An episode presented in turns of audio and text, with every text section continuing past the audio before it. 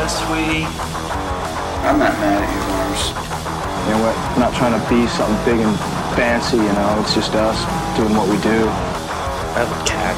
It's just so cool cat. Everybody sits around going, I think the drums should be a little louder, a little bit louder. I think the guitar should be a little louder. Oh, that lead's not loud enough. Ozzy was actually not, he was sleeping.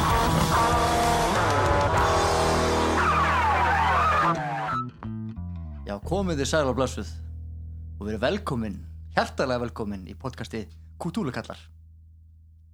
Túlúkallar Þið sem vitið, vitið. Það er svolítið þannig. Já, eins og aftur þá er ég Sigur Haldarsson og með mér er hann, Ellert Sigurðarsson ég er samt ekki pappans, Nei, tökum það að reyn. já, Senast tókum við fram plötuna Killamál já, með Metallica, frumrunina frumrunum Metallica plötum og frumrunum okkar í hlaðvarpi, Já, skemmtilegt. já, við skemmtum okkur allavega vel Hvort að, hvort að einhverjum, fannst, einhverjum öðrum fannst að skellett það, er- það, það, er þetta, það er ekki okkar mál. Nei, ég hugsa þetta verði eitthvað betra, erum orðin skólaðari, reyndari í Já, þessum málum, ég held það líka. Hægari púls. Hægari púls. Þó við séum að drekka kaffi. Já. Herru, við ætlum að taka fyrir plötuna Ride the Lightning. Right the lighting Eitthvað sem vilt segja eitthvað svona um söguna á plötunni? Já, þetta er náttúrulega önnur platan. Já. og þarna er um, þarna fóru þeir sem sagt, í staðan fyrir að taka upp í New York þar sem þeir tóku upp kilamáli, þeir tóku hann upp í hérna í hérna Rochester í New York, minni mig. Já, en það er ekki það sem við erum fjallum við erum að taka Rætni Lightning og hún var tekin upp í Sweet Silence Studios í Köpen og budgetið var 25.000 dólarar frá Megaforce Records sem að voru með á samlingana já, þeir fengur til sín eh, í lið Flemming Rasmussen sem var pródusser og hann hafði pródusser plötuna hérna Difficult to Cure með Rainbow. Já, og Lars hafði mikla mætur á þessari plötu og, vissi að þetta var Dani sem var búin að pródusera þetta. Já, þannig að hún, hann held að hann myndi veist, fá kannski svona góðan díl eða eitthvað. Og hérna eh, já, og, Flemming Rasmussen sagði bara já, amen við skulum bara taka þetta upp, ekkert mál, þið komið til mín. Og þeir voru bara helsáttu við það. Og hérna en Rasmussen þegar þeir byrjuðu að taka upp plötuna það var nefnilega fyrstu tvö lögin sem við heyrum á eftir þau byrja svolítið skringilega. Þú heldur þú sért að heyra fyrsta slæðið í læginu en raunir þetta að heyra svona aukaslag áður en að fyrsta slæði kemur, ég skal útskýra þetta betur á eftir. Já, og Flemmi Rasmussen spyr Lars bara byrja, byrja öll lögin á svona upptakti? Og því hann fannst Lars tromma svo skringilega. Og Lars segi, Hva, hvað er upptaktur? Og þá greip hérna, Flemmi Rasmussen bara um höfuð sér og hugsaði, nei, anskotin, ég get þetta ekki. Þannig að hann, Flemmi Rasmussen og annar gæi sem heitir Flemming Larsen sem var svona trommuróður, svona drumtech fyrir Lars og er ennþann dag í dag. Já, þeir tóku Lars eiginlega bara í gegn. Þeir bara tóku hann í trommutíma í nokkra, nokkra vikur. Já, og, og sagt tóku, tóku svo upp að og hann var náttúrulega fljótur að læra og ungur og gráður svo að segja. Þannig að hann var, hann var talsvert skári trommari áður en að þeir tóku upp lögin sem betur fyrr. En það hérna, að vera skólaðar á dönum já, fyrir plötuna. Já. Það var algjörlega þannig. En hérna, ég las á Wikipedia líka að áður en þeir upp, fóru að taka upp hérna ræta leini, þeir voru bara að túra í mestmennins bara í Kaliforníu þá voru þeir það fátækir að þeir borðuðu oft bara einu svona dag og það var oft það sem þeir kölluðu losers lunch það var sem sagt ein bröðsneið og svona bologna pulsa. Það var það sem þeir fengu bologna on, on hand eða, eða hvað var hérna, og þeir sváfu oft bara heima hjá aðdáðund bara þeir voru að spila eitthvað, eitthvað á einhverju gigi svo voru bara einhverju aðdáðundur sem bara hei þið með ekki stöða mér ef, ef, ekki, hótelherbyggi og þá bara gerðu þið það. Fóru bara heim aðdáðundum og fengið að krassa og er þessi ekki átáðan í dag svona ykkur göðtölu á þeim það held ég að hljóta að vera sko. það er öruglega eitthvað svona eilíðar baksviðspassi eitthvað þannig. Ekki það margt að þessu fólki er að verða 60 sko. Alveg öruglega Eh, kannski einhverju rúmlega. En já, túrin sem að fylgta eftir þessari plötu stiklum og stóru hétt Bang the Head That Doesn't Bang. Platan náði hæst í 100. sæti á Billboard 200 listanum þrátt fyrir enga útafspilun sem er ansi magnað. Uh, 75.000 eintök voru búin til upprunalega uh, en árið to- 2012 fekk platan sexfalda platínu viðurkenningu þar sem 6 miljónir eintaka höfðu selst þá. Já, og uh, Elektra Records fekk sér satt Metallica til sín frá Megaforce tveimur mánuðum eftir að platan kom út og þá fór platan í talsveit meiri dreifingu og seldist þar alveg miklu meira en þessi. 75.000 eintök sem voru upprunalega prentuð. En hver er dýrasta platan? það er örgulega bara alltaf nýjasta platan. Dýrasta ræta lætingplatan já, dýrasta ræta lightning-platan Já, ég veit ekki. Er það ekki bara frá hérna Bernett, grænur plötunar já, það voru einhver hérna, það voru einhver mistök í prentsmiðinu eitthvað leis. Jú, það var nú gerur coveru grænt. Já. 400 eintök. 400 eintök. Þetta er talið mjög verðmætt í dag. Þetta er einhverju hundra áskallar að þú ætlar að kaupa þetta. Já.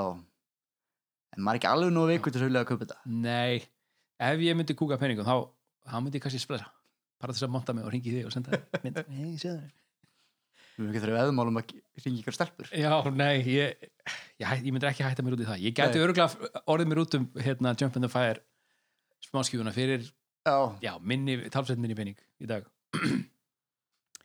En uh, já, það er svo sem ekki mikið meira um svona forsögu plötunar að segja.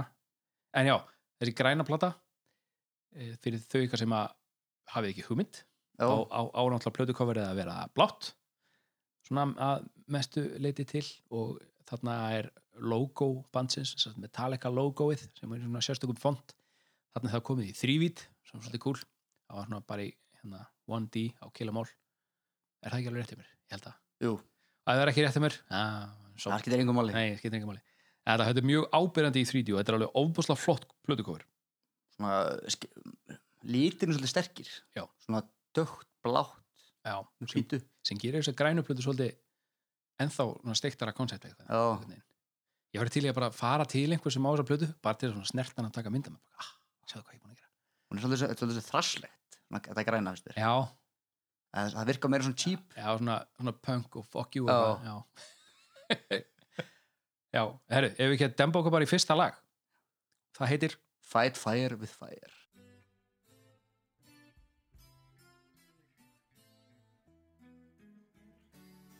Já, Fight Fire with Fire. Það byrjar svolítið öðruvísi en öll lög Metallica höfðu byrjað þannig Já, það var að setja spór svona átanda snemma. Kilumál mikill maður fyrir kilumál fá svona byrjun. Á margir og hrættir Já. ekki kallmann skinn svo hörist bara, hvað, kefti ég ykkur af ills og blötu kaldur sviti lóan og já.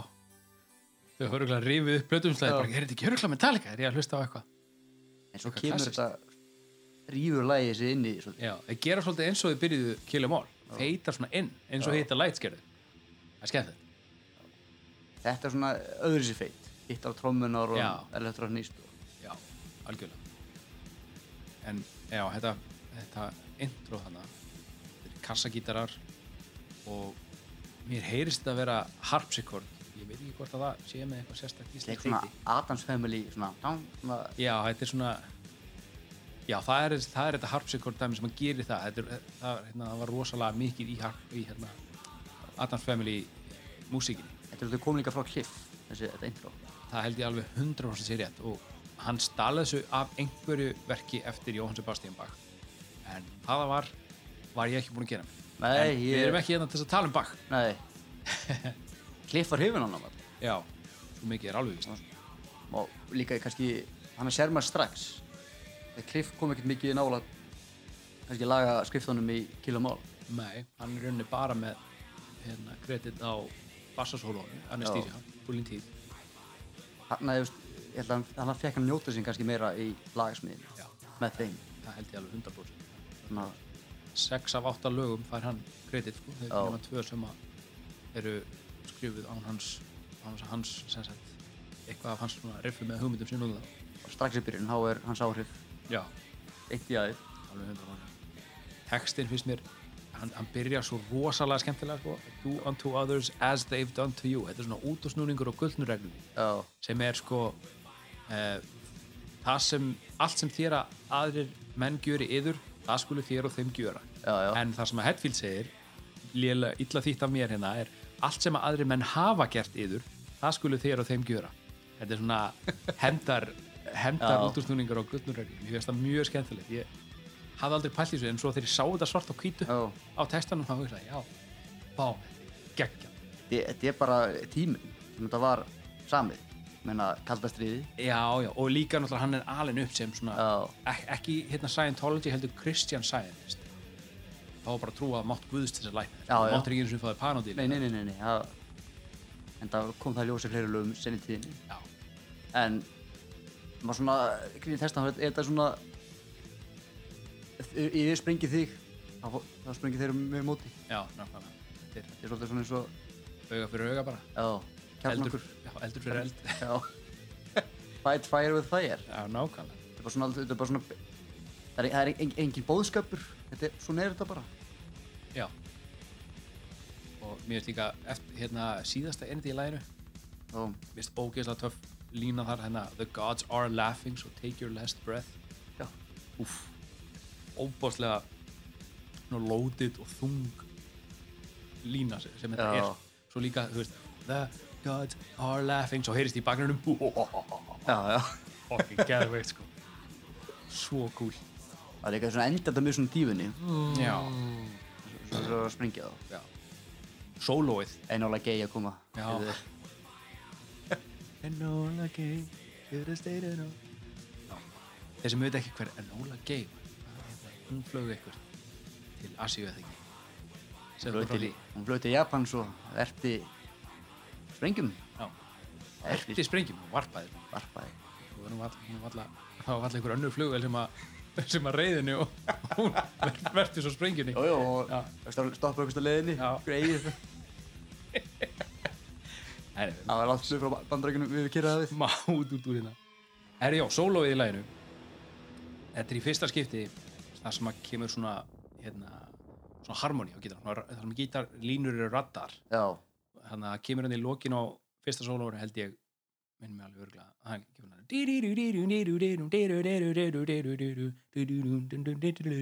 það ratta bara alveg í gegn þessi frasi ótrúlega flott sko. Þannig að- sést hann hafa klipp búin að taka það við nokkra tónfræði tíma sko. þetta er sé já, og svona er sé dúr en við spilum ekkert í dúr þannig að við skulum bara læra sé mál hann, hann tók á svolítið í gegn í, í sko tónfræði já, það heyrist líka alveg óbáslega skýrt og greinlega hvað, hvað þeir bara voru greinlega búin að bara sitja og liggja yfir alls konar lögum sem þeir eru aldrei pælt í bara með hann menn að hugsa kliffið ekki komið í bandið. Það hefði bara verið Kilumál 2 volum 2, já, það hefði bara verið, verið, séð på stöf. Já, þetta hefði kannski verið sko, þeir hefðu kannski pælt í að hafa kannski einhver hægari lög eins og þeir gerðu Já. en þau held ég aldrei verið svona út fyrir þennan kassa sem að einhverju Já. búin, voru búin að setja það í. Melodían og svona það er miklu meiri melodía mm þótt að þetta sé svona hratt og er svona röff lag en það nú, þetta er svo melodist líka já, þetta er ekki bara öskrað á einum þó reyndar erindin er svolítið þannig. Já, er, erindin en, en sjálf lagið sko. það er ekkert mikið sem þetta segja alveg um þetta lag. Þetta er bara, bara uppáslag byrja Já. með látum og endar um sprengju já, þetta er sterk, þetta er sterk byrjun á blöðunni Já. herru, þá förum við í næsta lag. Það heitir það já, það er titil af blöðunar Ride the Lightning. Ride the Lightning.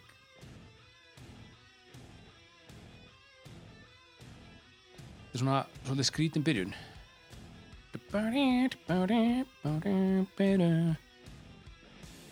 En hérna og maður er svona snýst pínu við í haustum þe- þegar, þegar allt í nú riffi kemur inn þá er eins og bítið sér búið að snúast við. Já, út af maður var að maður var að gera ráð fyrir að, að hann er 1, 2, 3, 4, 1, 2 svo er, þetta- er bara allt öðru sig eins og Fight Fire with Fire hann er hérna það er hann er að syngja sko það er hann að syngja á offinu, hann er ekki að syngja á bítinu þetta er, þetta er annars skipti sem ég gerði þetta eins og þess vegna sagði Flemmir Rasmussen nefnir fyrir Lars bara ábyrðið öll lögin á svona upptækti. Já, til þess að útskýra alveg hvað upptæktur er þá til dæmis lægið hérna Another One Bites the Dust með Queen.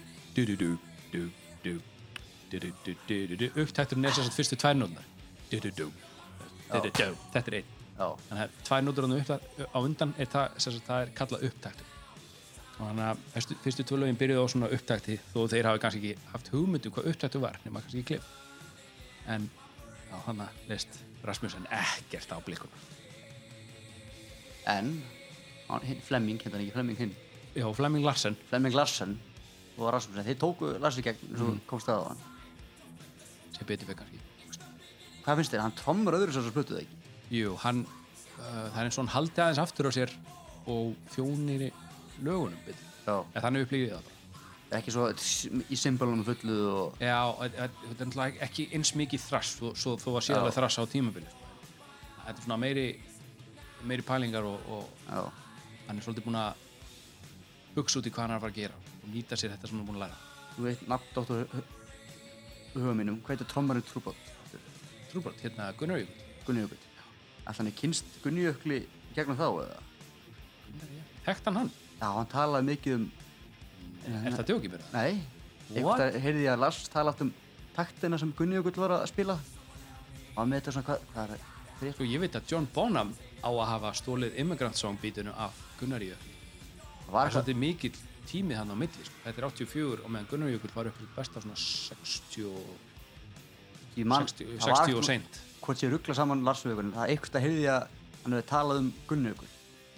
Ef satt reynist, það er geðvögt. Já. En þannig að... Já. Við erum að fletsa upp. Við skjóðum þessu inn í þáttinn. Siggi kemur með staðfestingu hérna bara núna eða neitun. Hérna 1, 2 og Já. Við fórum á veraldra vefinn og fundum fannst ég að lesa þetta eitthvað mann með Lars Ulrik og hérna Gunnar Jökull Já, er með það? Þegar maður var ungur þá var hugi.is mikil áhrif mikil síða menn var alltaf inn á hugi.is Já. skástrík rock Ég man eftir því.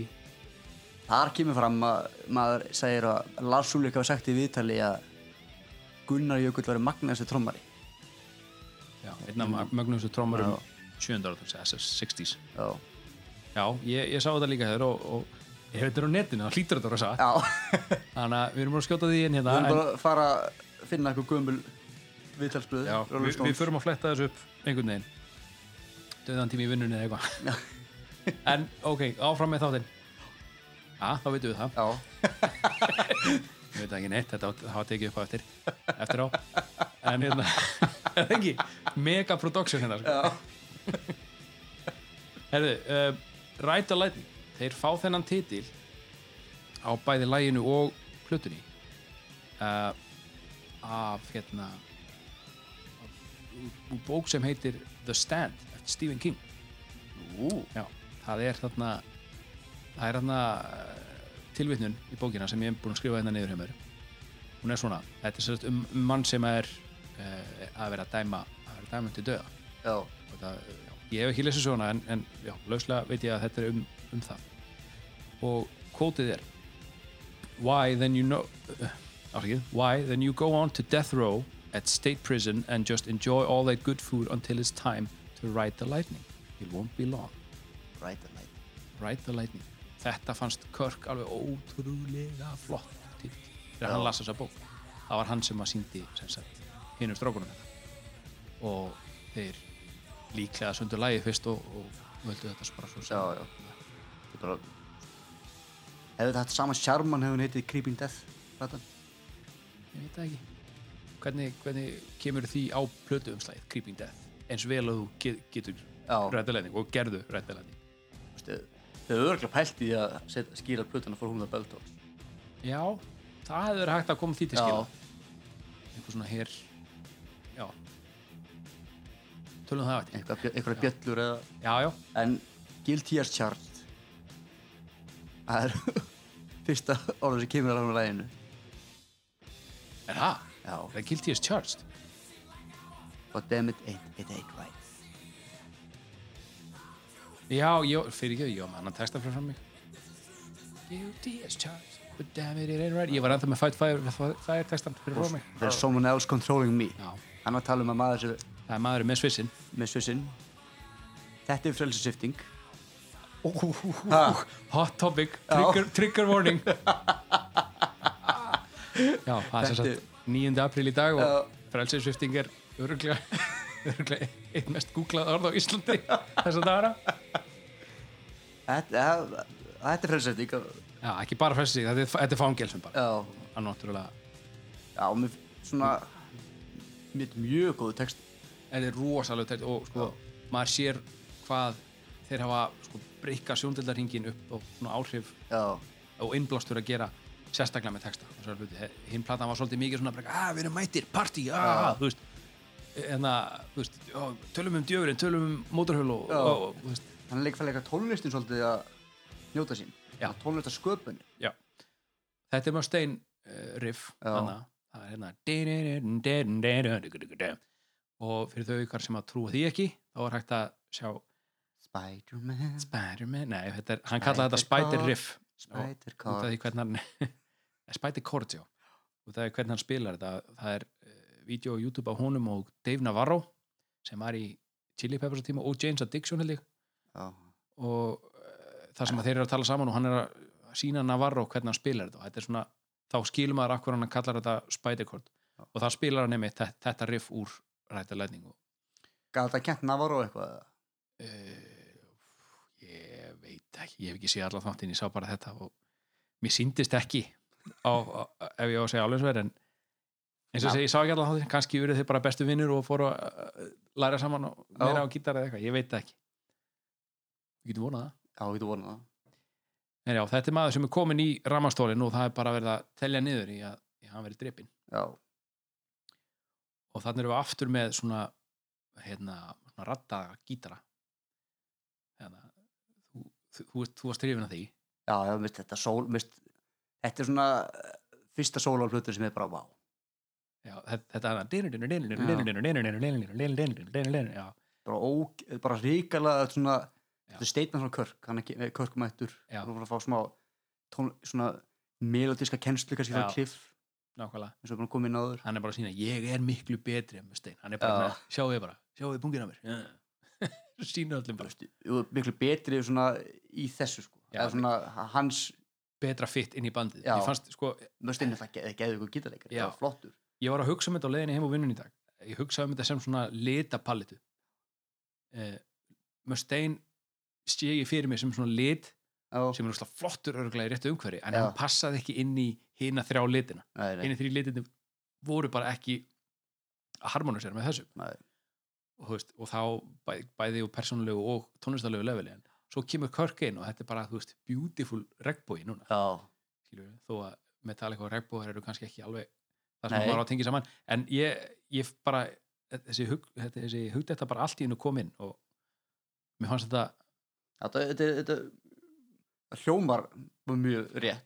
Já, mér fannst ég geta komið þessu svona vel þannig frá mér þó ég kannski gerði það ekki núna en Minnust hvernig heldur að heldur að eitthvað annað texti að hefur þessu? Maður í fangilsi fyrir hvað, vændurskonu eða eitthvað? Það verður örgulega verið eitthvað þannig hann lýsir því hvernig hann var með henni á einhverja bensinstöðu Mechanics Part 2 eða þetta Já. heitir er já um, þetta er já, þessi ratta þessi ratta ekki það er geggjaður. Og það heyrist, þú veist, Körk var greina bara með örgulega með svona diktafón að hlusta á allt sem að Cliff sæði og var svo bara að spila það fyrir sjálfansengst í Já. laumi og læra allt sem hann að segja. Já, það voru, sagt, þegar þeir voru að túra þá voru Lars og James alltaf saman í herbyggi já, þegar sem sagt, áðurinn er áttu erfni að vera einn og einn í herbyggi og, sagt, og þá voru Körk og Cliff alltaf saman í herbyggi og þeir, þeir voru ofta hérna deila svona sögum og, og riffum og svona. Hugsaði svona persónlega síðan hefði það svona verið hepp, ég veit ekki, hefði ekki verið betra kannski að sissa? Maður virkar eins og, eins og James og Lars höfðu svolítið verið svona eins og stál Já, en þeir eru náttúrulega sko, þeir eru náttúrulega lang bestu vinir og voru orðnir að, orðnir að þarna sko. og rifist örgulega svo hundur og köttur en kannski, ég veit ekki, ég er svona fæði á tilfinningan að þeir hafi látið, látið, að, látið að vera að, að íta á svona vondu Já. takkana okkur öðrum á túr Sér, þá á túrnum hafa bara hei, við erum bara happy, við erum að fá að spila tónlist fá að Já. borga fyrir það, skulum ekki vera með neina stæla við en svo náttúrulega vitum við ekkert hvað var gert eða sagt á Hotel Herbyggjum sko. nei við við erum bara spekulera já, já. það er gaman já, það er gaman en En- þegar að virka með að fannst þess að Körk og Cliff virka meira svona svona hvað maður segja? Or, orða frá sér. Svona þeir eru svona kannski meira- meira sérstakir. Já, það hefði verið, þú veist, það hefði verið forvinnilegt að þeir eru ekki, ekki, eins, svona eins flashy eins og James Já. og Lars. Já. ég kannski vildi svona meira hlitræðir. Já. Eins og til dæmis ef að James og Kirk hefur verið saman í herbyggi já, þá hefur það verið svolítið þá hefur held ég hugmyndirnar hans Kirk verið svolítið drefnar niður já trú ég. Eða svo veit maður ekki. þannig jú, kannski þessu tíma uh, já, að, að, þú ert nýji gæn þú ert nýjasti Já. gæn, þá var Kirk sko nýkomin, að, svona tiltölulega nýkomin inn í já, bandið. já, og Cliff, þannig sé næst nýjasti gæn því að hann náttúrulega komin í bandið á eftir og eftir James og Lars. Já.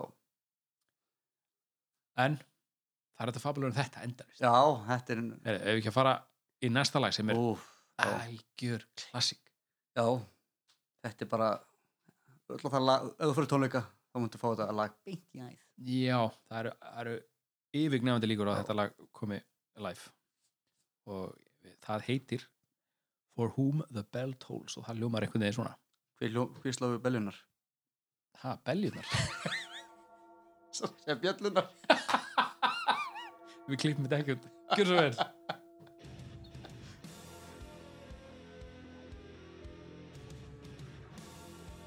whom the bell tolls. Já. Fyrir hvern beljan ringir Nei. Bjarnastaða beljunar Já, nei, nei. Herru, uh, þetta byrjar á svona bjöllu svipað á lag með ACDC ACDC Hell's Bells. Ég las á netinu, þetta er næst frægasta lag í öllum heiminum til þess að byrja svona. Á eftir Hellpell eftir Hell's Bells. Já, en munurinn er að ACDC létu sér smíða fyrir þessi bjöllu. 15 tonna bjöllu Já, no joke. Já, á meðan Lars fór bara út í Bíkó í, í Danmörku og, me- og kefti sér hamar og steðja. Og Flemming Rasmussen með einhverjum svona töfrabröðu náða Já. að sagt, uh, breyta tónhæðin á hljóðinu þannig að í stað fyrir ding, þá kom bong, og hljóma, þetta svona hljómar þetta hljómar eiginlega eins og bjalla. Ef, hef, ef einhver hefði skrifað á netinu og einhverju trúverður síðu að meina, það væri svona kirkjubjalla ég hefði ma kefta sko, maður getur trúið að hann látið stegin hanga sem hann gerði alveg potið já. Stegi við jörðu, hann já, verður þjættari já, já, já, bara eins lítill kontakt við stæðan og hægt er. Já, já, það er þeir vissu örgulega alveg upp að hár hvernig átt að gera þetta. Rasmussen og Larsen hann það Flemming. pottjett Flemming bræðunir já. En þetta er náttúrulega lag sko, ég ætlum náttúrulega að fara beint í bara nafnuleginu og Tolls Já. en þetta er, er sa, eh, bók eftir Ernest Hemingway. Hemingway. Og hann fekk þetta eitthvað starra næsta frá já, ég er enda með það, ég ætla að skjóta því inn í þetta eldsnögg. Það er, þetta er úr ljóði eftir englendingin John Donne sem hljóðaði svona kvotið. Send not to know for whom the bell tolls it tolls for thee. Já, formlegt og eða svona, já. Fancy. öðruglega eitthvað sem svona skiptir miklu máli, barátum aður eða eitthvað, ég veit ekkert ég, ég veit ekkert um, um en eitthvað, ég bara lasi þetta á netinu og hlýtur þetta að vera satt. Já, minna, sko hefur lesað bókina, For Whom the Bell Tolls Nei, það hef ég ekki gert. Ekki heldur Tölum aðeins um það. Já, en þetta er alltaf þetta er alltaf sk skaldsaga sem gerist um, um raunveruleg veist. þetta er svona skaldsaga í, í sögunni. Já, svona, hvað ef þetta hefði já, gerst þegar eh, þessi atbyrður sem gerist í já, þetta er svo bara, þú veist, þú getur sk skrifað sögum Gunna Sandi tími sinnistriðsins, hann er farið til Þískland og gert þetta, sem hann gerði ekki, bara svona skaldsaga Já, já, akkurat. Það fjallar um hérna borgarstyrjöldinu Spá, Spáni frá 36 til 39 Já. þegar þetta kommunistanir og fasistanir voru að berjast í Spáni. Af tvennu illu. Já, og það var alltaf mikið alþjóðlegum alþjóðlegum hérna sjálfbáðlegum sem voru að berjast báða megin. Já. og sérstaklega frá hérna kommunistamegin Já. það var meira þetta svona anarkistar og mikið þeim voru amerikanar og þjóða kvikindi Ok, þetta er um eiginlega um, sé nokkra menn sem eru að flýja. Stálu hestum eru að flýja fast Já. og þeir eiga sitt svona final stand. Á hól. Hól.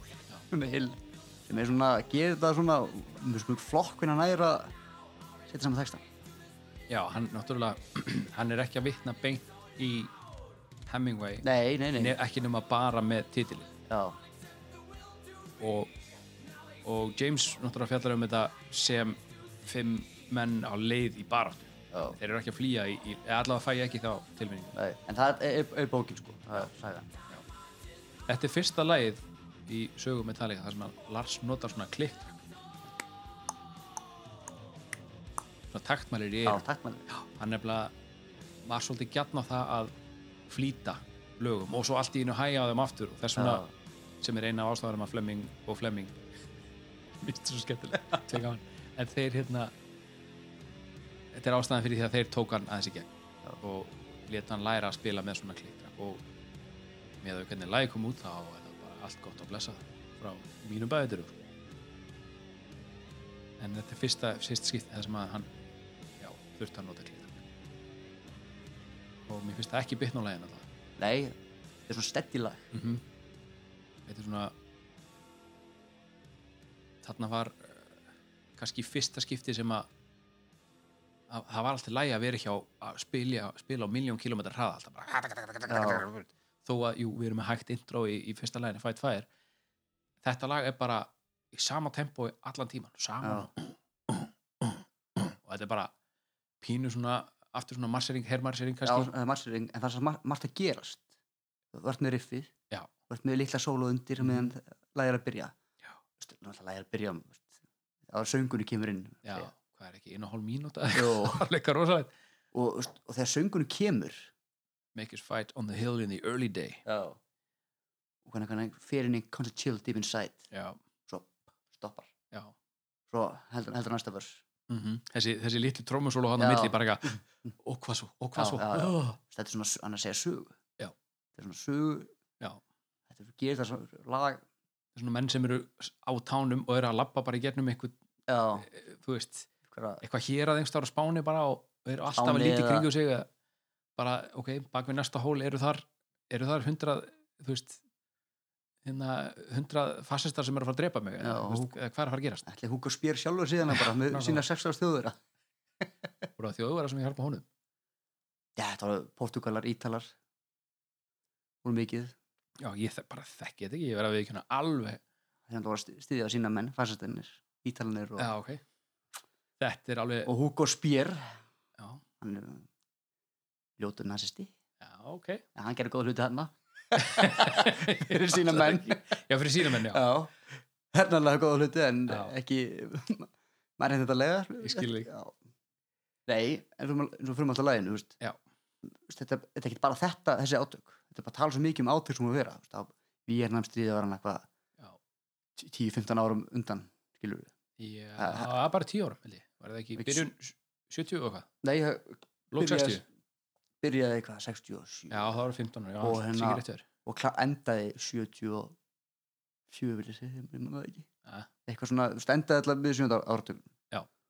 og veist, það var svo mikið þú veist, for a hill, men we kill know já, Að þá, ég myndi að heil kynslu stór, svo, svo margir bandarækjum sem fóru og sendir, mm þú veist, veist, það var herskilda það var kvæðning já, bara, já, drafting bara. Já, og það var svo mikið, það var ekki, þú veist ekki ná okkur þú veist ekki ná hólum, eða bara í smá stund já, Já. það var var ekki, ok, hérna erum við búin að ná þessu landsæði. já, Það er að við förum hérna, verðum að ná hérna, dreifast marga og við getum já, og svo hérna förum við bara tilbaka. Þú veist, já bara svo komum við bara aftur á morgun Já, bara, bara repeat. Já, já, ég þannig stríðið var svolítið fölurrætt og þetta kannski svona er svolítið fast í stóri kynnslóð Já. hann á þessum tíma, sko. Já, hann hefur kannski já, hann Það hefur, hann hefur kynnt sér þetta hann hefur verið svona 8, 9, 10 ára þegar stríðið hefst 8 ára kannski Hetfield, hann fættur 63 nei, hann er bara 4 ára, Já, já. hann er fættur Það 63 það minnum var við, á eða á- á 62 svo lengi í gangi í stríð. En þú veist, það er heil kynnslóð af ungum bandarskum mönnum Mhm.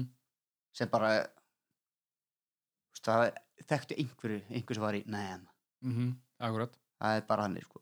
Og hann hefur heyrt, frá frændum eða frængum og já, frændum. ekki frængum, ekki á þessum tíma. ekki þessi tíma. heyrum var ekki komin á þann stað sem hann er í dag.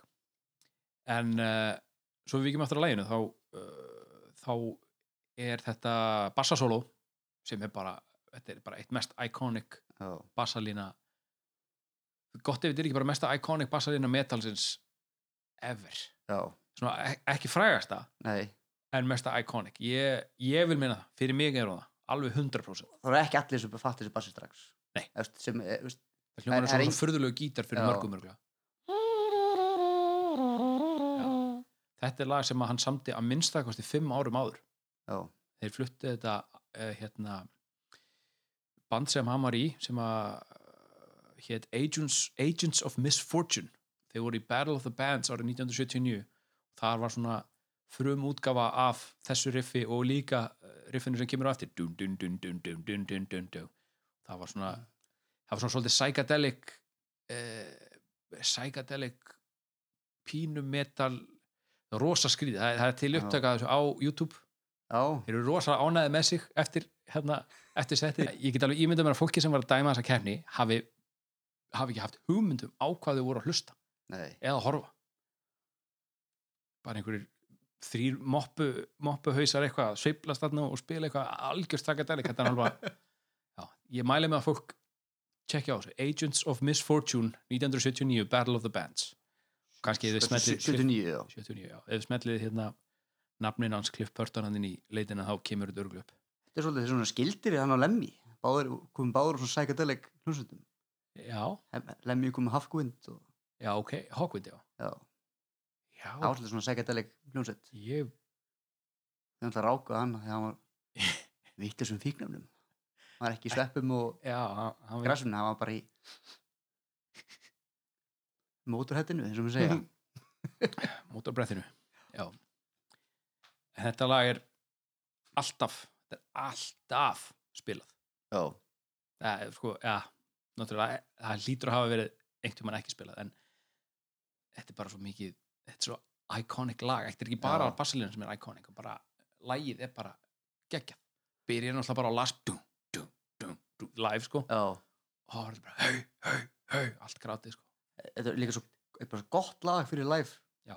upptöku Já. það þeir gera svo mikið, þeir gera líka þeir, ný, þeir bara að, að segja, mjólka lagið bara í döðlur fyrir live útgáfur gera þú veist, já, fyrir, fyrir performance sem er bara jákvæð já, já, bara geðveikt sko og svo er svo mikið meira, við erum, við erum rétt búin að snerta aðeins og bassælinu byrju, oh. við erum ekki búin að tala um restina af læginu, við erum aðeins textan oh.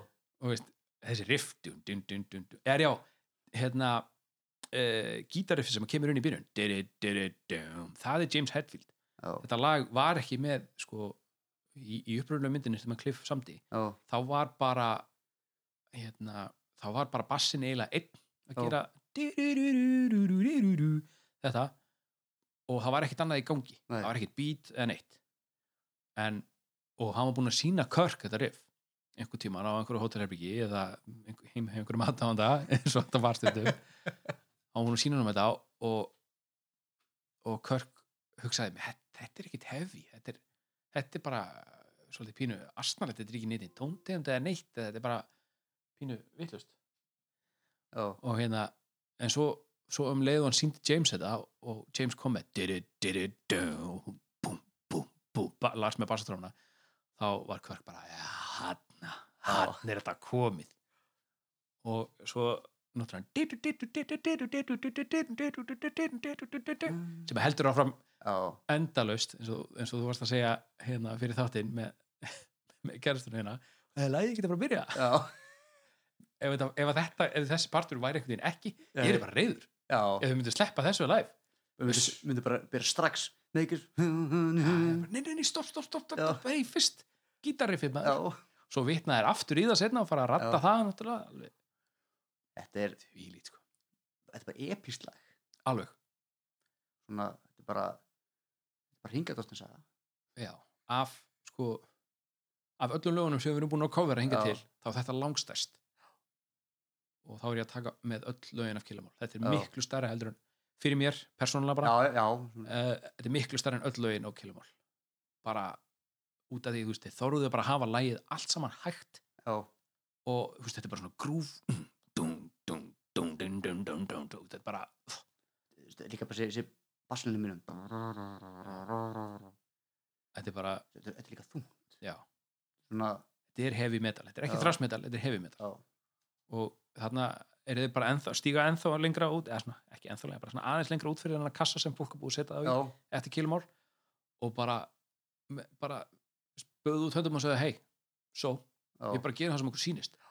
Og bara því líka snittin sko. þetta er bara, hann ekki með kliff aftur inn, mm -hmm.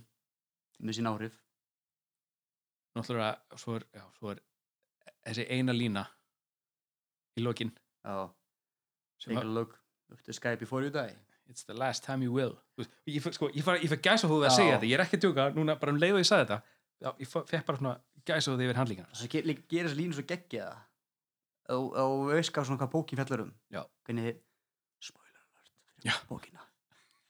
Halda frýrun þá er náttúrulega þannig að þeir deyja í loftarás Já, ok.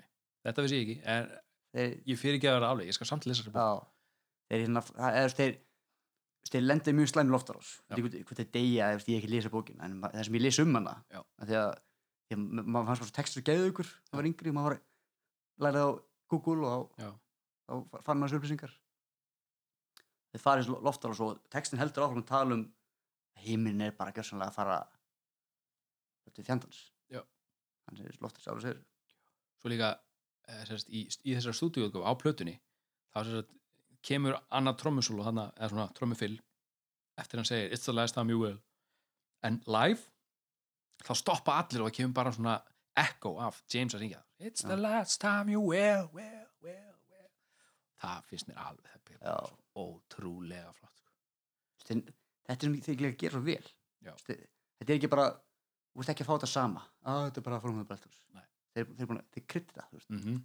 Smá með svona. Mm svona saltbei hérna. Já, ah, svona. ah, svona, bara bassa tróma hérna í tvær myndir. Já, allir að segja hei hei já. Eh, smá því, dassa því bara. Hei, það er eina, þetta er eiginlega orð. Þetta er svo kraft, kraftmikið sko í tónlistinni. Sérstaklega fyrir Metallica. Þeir eru rosa mikið að láta alla syngja hei hei eða dæ dæ eins og við komum inn að segja En þetta, da, já, 91 herru, er ekki bara komið að næsta lagi? Jú, fjarkinn frægi.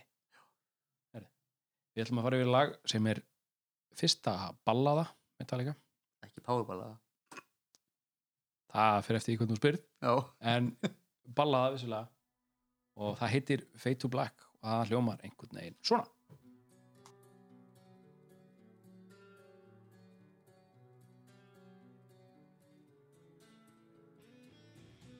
hefur verið reyður 84 nýbúin hlusta á kilomál búin að heyra fyrstu þrjú lögin núna á ræta læting þetta lag kemur. Hvað er fyrstu viðbröð góð spurning. Þú er náttúrulega ekki þú ert ekki einu svona orðin hugmynd á þessum tíma. Ég er, hvað þessi plata kemur út í júli já ég er sex mánuða gamall þegar þessi plata kemur út. Þannig að ég var ekki ég var ekki beint í aðstöðu til þess að vera eitthvað að dæmi einhverja tónlist og alltaf byrjar að þala þannig að ef ég á ímynda mér það já, þá mér hefði verið öruglega já, hvort ég hefði orðið bitur og, og reyður skal ég ekki segja. Því að eins og við töluðum í síðast þetta mín fyrstu kynni af Metallica er, er svartaplatan sko. já, þannig að ég eiginlega tók svona skref aftur og bak með plötunar já, og mér fannst ég líka taka skref aftur og bak í gæðum af tónlist. Veist, mér finnst og þetta, er örgulega margir sem að verða mjög vonsvegnir þegar ég segi þetta en mér finnst svartaplatan miklu betur en bara, og það er bara mín skoðun. Já þetta er bara persónu skoður já, já, uh, og það kannski hefur eitthvað með að gera hvað kilomál er svona rosalega röff allt production í kringum hana er Já. röff en það, það er það, kannski það sem hann gefur henni þetta þetta svona fuck you attitude, við erum Já. mættir, við erum bestir þú veist, við erum að sína ykkur hvernig á að gera þetta. Maður hlustar á kilomál í öðru sér kringustæðum undir Black Album. Já, það er bara en nú erum við að tala um Fade to Black og fyrsta svona ballaðan þeirra. Já, fyrsta fyrst skiptið það sem að já, þeir náttúrulega byrjuðu plötuna á svona pínu já, já, þeir svona hótuðu því að vera með balluðu Já. en þetta lag er bara alveg í gegn, gangið í gegnum þú veist, þú veist, þú veist að komur frá húnða Beltals Já. það það er eins og bara það er hægt. Það er eins og þeir segja svona aðeins að við erum aðeins að aðeins að taka það rólega. Svona að hæja tempóðinu mm -hmm. menn, menn eru svona hvað er, hvað er að frétta? Beint í þetta. Akkurat hérna. þetta lag er geggja Þetta er ótrúlega flóða og e, það eru margir sem vita öruglega ekki um hvað þetta lag er í raun og veru Textin segir eitt. Já, en það sem að það sem innblásturinn er er allt annað og eiginlega bara pínu fyndið. Já, sem sagt, eh, árið er 1984 Já. við erum, eh, við erum stödd í Boston. Þetta var roleplay aftur það. Já, nei, ég ætla ekki að roleplay, ég ætla bara að segja söguna. Ég er ekkit, ég tek ekkit góðan headfield ég heyrði það eftir að ég hlusta á þáttinn síðast þetta er ekkit góður headfield læta einhver aðra en það. Headfield. headfield, já Heyrðu, árið er 1984 24. janúar. Ellert Sigurðarsson er 23 daga gamall. En það skiptir engum máli. Metallica eiga gig á uh, eiga gig á The Channel klubnum í Boston. Bandaríkjum og eftir gigið þá er brotist inn í sendibílinn sem að inn í SS sem að var með allt á Metallica. Trommusettin hans Lars var stólið uh, gítarmögnurum var stólið af Kirk og James og hérna svona hátalarinn sem að James notaði sem að búið að svona modda eða svona breyta sérstaklega. Hann hafa með sitt svona hann pínu signature sound. Uh, hvað sem fólki finnstu það sound en ha- hann fílaði þetta sound alveg rosalega mikið á þessum tíma. Og þessu var sagt stólið og þeir hafa aldrei séð þetta síðan. Þeir voru að túra með Anthrax þetta. Og restin af túrnum voru þeir bara að spila á lánskræður frá Anthrax, það er trómusett og magnarar og svo hátalarar fyrir James. Og svo var þeim líka hent út úr húsinu það sem þeir byggu þegar þeir voru ekki að túra þá byggu þeir í húsi sem að umbásmaðurinn af hérna, Megaforce Records átt, nei, jú, umbásmaðurinn af Megaforce Records átti. Og þeir voru með of mikið hérna, partíum og, og, og, og voru búin að drekka allt áfengið hans og, hann Ha? nefnt já, þeir drukku bara drukku allt sem þeir komist í hérna heima hjá honum. Komum honum óvart grinnlega bara einhverju táningsstrákar sem voru að hlusta á metal voru að drekka. Ja, hann allavega fekk nú og, og hendið þeim út og þetta tvent svona var til þess að þeir eru alveg eru alveg megaþunglindir. Og þetta, þetta lag um, um sjálfsvík kom út úr því. Og hérna James var spurður spurður að þessu hérna um veist, af hverju þetta þetta atvik fær fekk hann til þess að skrifa svona rosalega dramatískan texta. Já, það er eiginlega svona ofdramatískan og hann segir ég var ekkit að, veist, ég var ekkit að hérna, hugsa um að drepa mig í alvörunni en þetta var uppáhalds magnari minn. Já, og fyrir þá sem að eiga svona sín uppáhaldsljófur sín Já, uppáhalds já. magnara þeir getur örgulega tengt allavega smá.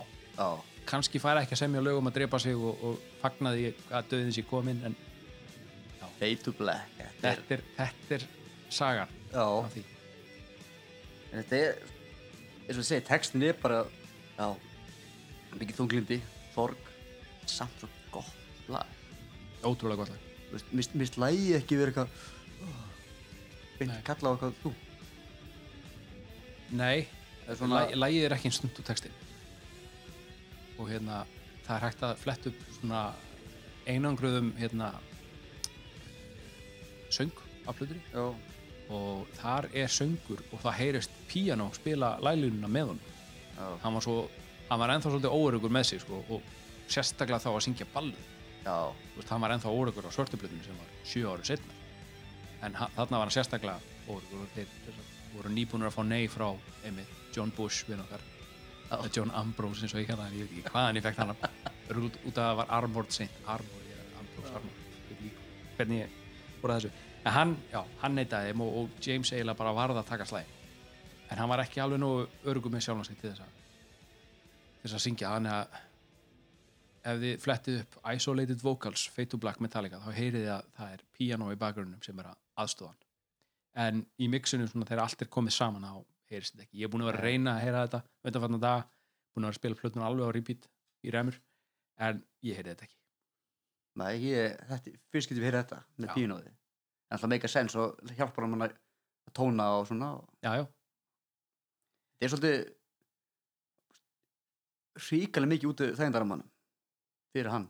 Já, á þessum tíma hafði þeir ekki gert neitt svona sko. þeir hafði kannski tekið cover, eða, nei, öll coverin þeirra voru annarkvort svona ofbáslega heavy eða eins og Emma Evil eða eitthvað eða, eða bara einhver, einhver brjálaður speed metal sko.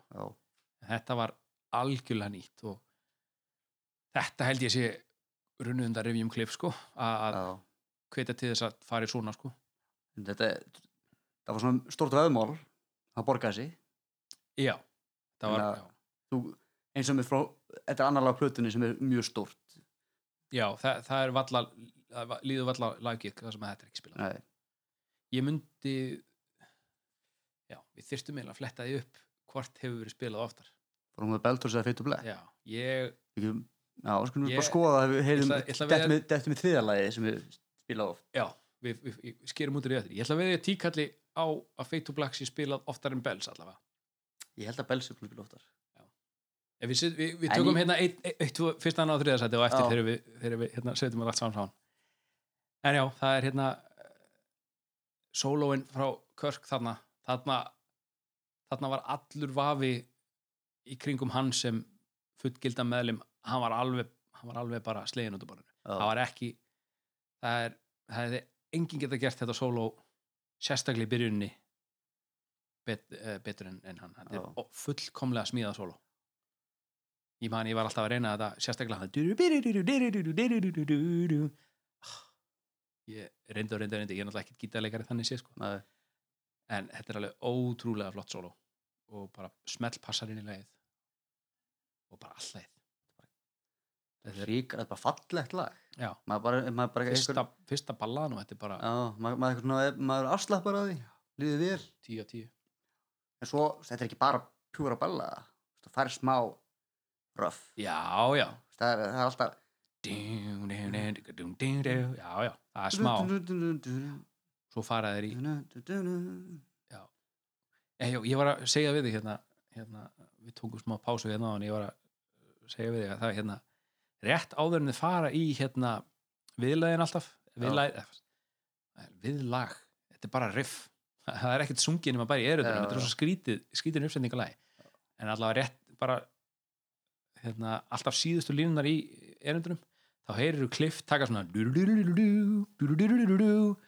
og svona svona litlar svona krúsídúlur rétt á Já. þannig farið yfir í sem að maður myndi ekki tengja við metal automatist, en maður myndi heyra þetta bara og þetta var ekki heim í metallagi en hann bara sýnir enn og aftur hvað hann var ótrúlega mikið snillingur líka bara hvað áhrif hann fekk frá bassaleikurum öðrum já Gísu Böttler, Getty. Lee Stanley Clark og hann hann að. Fyllunot já, náttúrulega Lemmy Lemmy Já. En mist sko með, með Gísa Böttler. Hann að þessi partur svona kalla mig rosa mikið á svona hvernig hann að fyrir upp skalan mm já, ég held það líka. En eins og þú sagðir hann þetta er rosa fallegt lag og, fær mann til að líða vel eins og þú sagðir. Og með Og- textinu þungur. á meðan textin er þungur. En ég hef, ég allavega fyrir mitt liti ég hef aldrei pælt eitthvað ógeðslega mikið í textan Nei, það var út að ég held að í alvörunni að James hafi ekki tengt eitthvað sérstaklega við hann að texta út af að hann er bara að semja þetta lag út af að hann misti gítamagnara og hann var hent út úr einhverju leiguhúsnaði það, er ekki, það er ekki eins og já, það veist, er eins og- ekkert alvöru drama sem veist á að baki koma úr texta frá Húða Beltors yfir þetta já, það er svolítið það sem textin er geðugur Já. textin, textin er miklu betur þar. Já. þetta er svolítið mikið bara að vera að strengja saman svona fullt af svona, ok, ég vil ekki ég vil alls ekki móðga neitt sem að hefur hugsað þetta og þú veist, ég sem táningur með hormonan alveg á miljón upp og niður í skapsveiflum ég hef alveg verið á þessum stað og hugsað þetta líka. En þetta, þetta er samt svona rosa típiskar svona uh, þunglindis hugsanir bara Já. svona margar í röð. Þetta er svona ég vil ekki segja klísjur en þetta er svona rosa típiskar línur sem að rosalega margir, ef ekki allir hafa hugsað einhver tíman á lífsleðinni þetta er svona, ég fæ til ég fæ tilfinninguna, þetta er svona mamma bannaði mér að gera eitthvað ég er reyður já, já, þeir eru svona ný komið svona 13-14 ára. Já, og veist ekkert hvað að gerast í líka á þær já, bara, reyður, þetta er svona ég þessa tilfinningu á já, textunum sko. já. Það er, samt góðu fallið texti en, sjálfsagt, en ekkert maður, finn lilla tengingu sko. samanlega Þannig að- svo má náttúrulega ekki gleyma Black Sabbath hérna nánast laga stuldinu í, í lokin á læginu þetta er þetta er rosalega líkt hérna hvað hérna Sabrakadabra nei hvað hva lagið? National, nei. Þetta er- er hérna Sabbath Kadabra plötunni ekki? þetta er, er Sabrakadabra plötunni já. Sabbath plötu, Sabbath er platan. Já. og það er alltaf Sava Kadabra sem hefur cover á Gerarding Já. þeir þar dett inn inn lagi að National National uh, Acrobat. Hvað heit- ok, natural acrobat Jú, að National Acrobat. Jú, heitir það. Natural eða national? National. Ég- natural eða national, með R eða N Alþjóðlegur alþjóðlegur, já, ok. íþrótta, Já, íþrótta hérna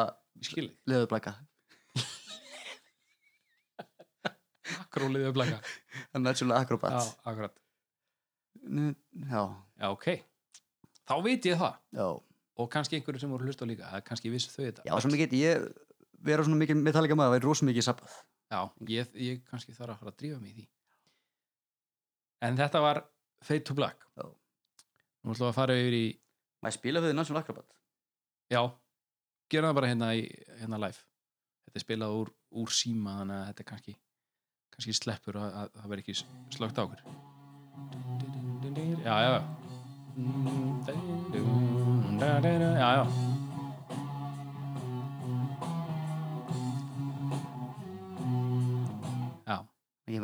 ok, þannig að þeir eru að skjóta þessu saman Já, á garage, það hlaut að vera. Eh, hérna, já, eins og segi ég byrð þig bara ásökunar og, og byrð, byrðst fyrirgefningar. Nei, við erum ekki sérfræðingar alert Þetta er bara svona sem bara fjallum upp á að spanda okkar. Já. það er það eina sem við erum að gera. Við, við, við erum bara að pæla. Já. Þetta er að geta gaman. Og ég lærði eitthvað nýtt í dag. Og það er engin, það er engin kennarum í svipu en að það er Ha, við þurftum að borga auka fyrir það. Herri, ef að halda áfram? Já, næsta lag. Snúu plötunum við. Það er rétt, við má bjöllið Já. það og næsta lag. Trapped Under Ice. Þetta lag um allt Disney það Herri, ok. Já, Trapped Under Ice. Já, hérna, þetta er lag um allt Disney. Um allt Disney, já. Að því leiti að þetta er, já, þetta er lag um eitthvað sem er frosin í hel í rauninni. Já, en samt með meðvutund þetta sem er möðunum það bara ein leið til þess að komast að því og, og það kannski gerist á okkar hérna, á okkar tímum. Að að Walt Disney verður endurlíkar ég meina, þú Ég nema hann hérna gyðingan komið upp fyrir það. Já, hann var reyndar þekktur fyrir ákveði gýðingahandur Já, sem er ekki cool. Nei, Family Guy gerðum stólpa grína því á sínu tíma. Hvað hann var hérna, já, hvað hann var mikill skítall, hvað það var af Já, en uh, hann hérna hvað heitir hann, Guðmundur Felix Íslendingunum sem var að fá hérna handleggina grætta á sig. Meina, ef það er hægt núna já. Disney eftir 15-20 ár það ætti að vera hægt. Ég held ekki. Sjá til, sjáum til. Sjáum til. Já, en lag að- að klára á þú ert stattur 84 Aftur já, Er bara What the fuck Mhm. Hva, Hvað var ég hlusta á? Snýr plötunum við Mhm. Þetta tekur, tekur um mótið.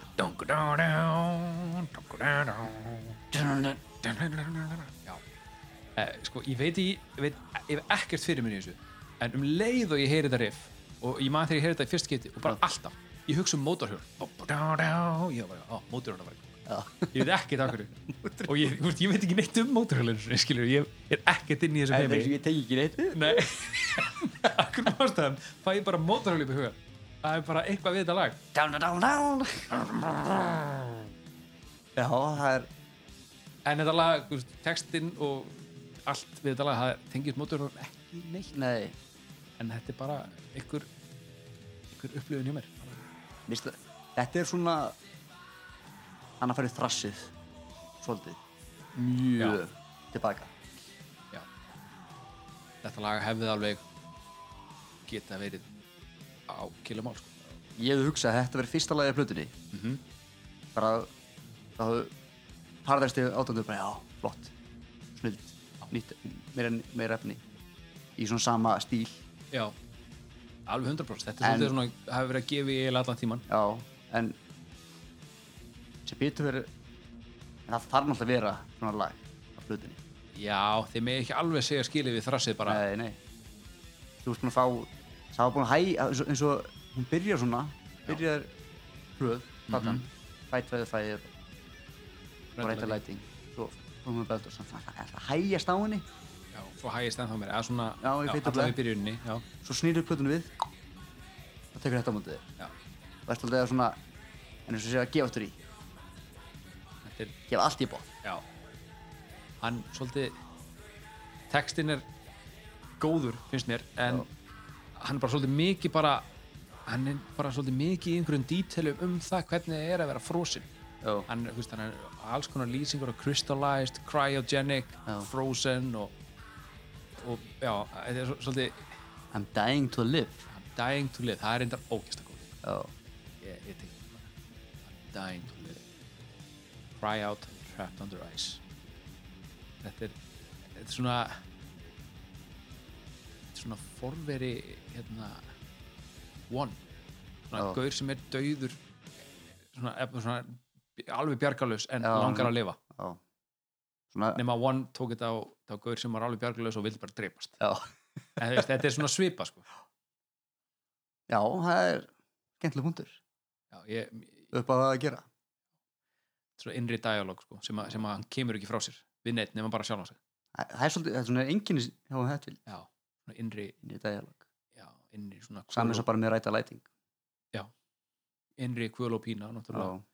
hann er að díla við svakalegt hérna, svakalega ömulega æsku Já. en, en Magn, magnar hann stólið magnar hann um stólið allt í vol. Já, en uh, já það er, er ekki hérna þetta er í fyrsta skipti á plötunni. Fymta lagið. Já, þá er, er þetta fyrsta lagið það sem að hérna, gítararnir eru ekki rattaðir nei.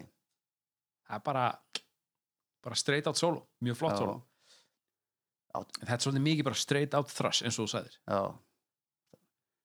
Maður veit mikið að það kannski sýnis líka þetta lag þetta er ekkert of vinsalt metallica-lag nei, ekki oft að spilað. Nei, þetta er bara skoðum með tölur í 2016 þá var þetta lag bara að spila 21 sinni. 21 sinni, já. Live. Það er 20 sinum oftar en næsta lag. Nei, 19 sinum ég heldur spilaðu þetta live einu sinni á Lightning turnum. Mm. og svo spilaðu þetta ég held alveg öruglega 2014 frekar en 19 það var annarkur 20 ára eða 25 ára ammali plötunar það sem við tókuðu þetta lag og já, já, allavega, já, við erum að tala um 13. ræð núna og skemmt að segja fyrir því að þegar gítarinn ekki rættaðir Já. Cliff Burton kom ekki návallt lagasmíðin þessu lagi. Já, þetta er eitt af tveimur lögum sem hann fær ekki já, hérna, songwriting credit. Hann er ekki einn á lagahöndunum. Og það er líka, já, skemmtilegt að segja frá því þetta lag er komið frá Kirk Hammett. Já, þetta er Hetfield Ulrik Hammett lagasmíð. Og þetta er upprunnilega Exodus lag og Exodus gáðu þetta út allt öðruvísi en þetta riff, aðal riffið þetta þetta heitir Impaler með Exodus og er miklu hraðar. Já, sem svolítið fyndið, því þetta er svolítið mikið þrass hjá Metallica sko, Mhm. en bara Exodus spila þetta ennþá hraðar. Ég veit Impaler. ekki hvort þeir hvort þeir hafi gefið þetta út þá eftir eða hvort þeir gátt þetta undan og vissu að Körk væri að taka þetta með sér og ákvaða bara, uh, veit ekki. Þetta er riff sem Kirk samdi. Já, Já. Körk á þetta sagt, uh, intro, sem sagt, ekki intro heldur versið. Já, en það riffið þar. Og já, það er svo sem ekki mikið meira um þetta lag að segja. Nei, ég er alveg ég, ma- maður er svolítið tómur með þetta lag. Já. þetta, að þetta er það er, það er ekki, ekki, ekki, ekki neitt nýtt að gerast. Nei. svolítið, þetta er bara svolítið svona kilumálfílingur Já. bara fyrst mér. En þau hefðu ekki mátt vera færri lögin á svo plötu þannig að ég skil alveg að þetta endaði á Já. ræta letning þetta er, þetta er eh, svolítið betra en, en mörg af lögunum á Kilomól nei, ég tek þetta tilbaka. En nokkur ég ætla, að sammála þér. Nokkur. Setti þrýsting á mig, ég sagði bara já. Já. Kannski er út af þessari bissu sem ég held á. Nei, tjók herru, við dembum okkur bara í næsta lag og það heitir Escape. Mér finnst þetta mjög gott lag. Þetta er, þetta er ofbáslega ofbáslega vannmyndilag og af þeim sérstaklega. Uh, ég gaf þessu lagi aldrei einhvern sjens fyrir en núna þegar ég hlusta á þetta. Fyrir, hlusta á þetta vandlega fór að pæla í textanum og kannski sögunum baka. Og mér finnst þetta gott lag. Þetta er mjög, þetta er melodist já, rosa melodist hvernig inna í viðlæðinu, hvernig gítarinn lítinn Körk eldir Já, þetta er þetta James sem að spila þetta. Allavega live, þá spilar James eða að hann syngur þetta og spilar þetta. Já, ok. Live í þetta eina skipti sem við tókum það meikar sens þess að geta eld, eld Já, svona og haldið takti. En já, en sem sagt, þetta lag átti ekkert að vera til þetta lag átti aldrei að vera saman nú okkur ekki. eh, Lars kom með þær fréttir í stúdíóið þetta einn að, að hérna útgáðu fyrirtækin eh, Megaforce Records á þeim tíma þeir vildu fá eitthvað radio-friendly lag á plötuna þeir voru vist, ég veit ekki hvort þeir voru búin að heyra eitthvað af plötunni og leist ekki á það eða, eða þeir voru bara með einhverju kröfu en þeir vildu eitthvað viðbútt svona svolítið radio-friendly. Þess vegna er þessi í fyrsta sinn í sögu Metallica er hérna, er einhver laglína sem er í dúr og þess að í viðlæginu á sem að ég söng núna eins og alveg opast lítla en þetta er, þetta er alveg þetta er bara, þetta er bara dúrskalið niður í hérna í viðlæginu og þetta er þetta er langmest úr karakter fyrir Metallica bara alveg fram að sko fram að Black Album þetta var Já. bara, þetta er já, veist, Fyrir mér. ég var að hlusta á lagið að okkur svona fekki tilfinning að þetta gæti hafa komið fram á Black Album. Já Þetta er riffið minnir mér svolítið svona á uh, Whiplash ef það væri ógsta hægt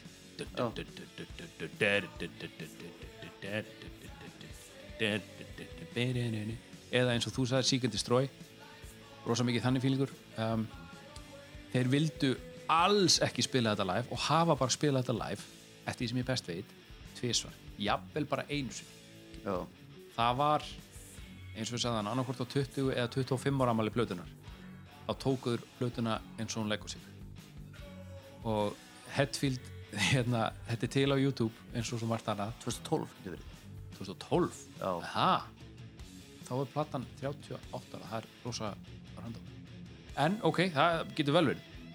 En já, áður en að spila þetta lag þá er James svolítið bara svona að tegja lopan og, og svona, já, við erum það þú veist, við ættiðum aldrei að spila þetta lag live, við vildum, við vildum það bara helst ekki og, og hérna ef við ekki spila bara eitthvað annað? Og hann er svona svolítið að bara tala rosa niður hérna eigin lagarsmíð en svo enda, endar á því að, að taka og gera bara býstna vel með að það þeir hafði ekki spilað þetta í allavega 35 pluss ár Þetta, já, þetta lag, þetta var lengsta svona, hvað sagði svona met að hafa ekki spilað frá milli, milli live hlutningar sko.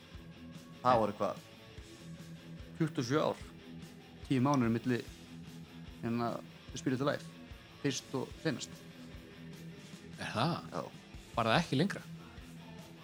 Hvernig spilaður þetta síðast á undan sér satt uh, þegar þið tóku allar plöður hana það var held ég á hérna á turnum, ræta leiting 84 til hvað, 2012, svo er það?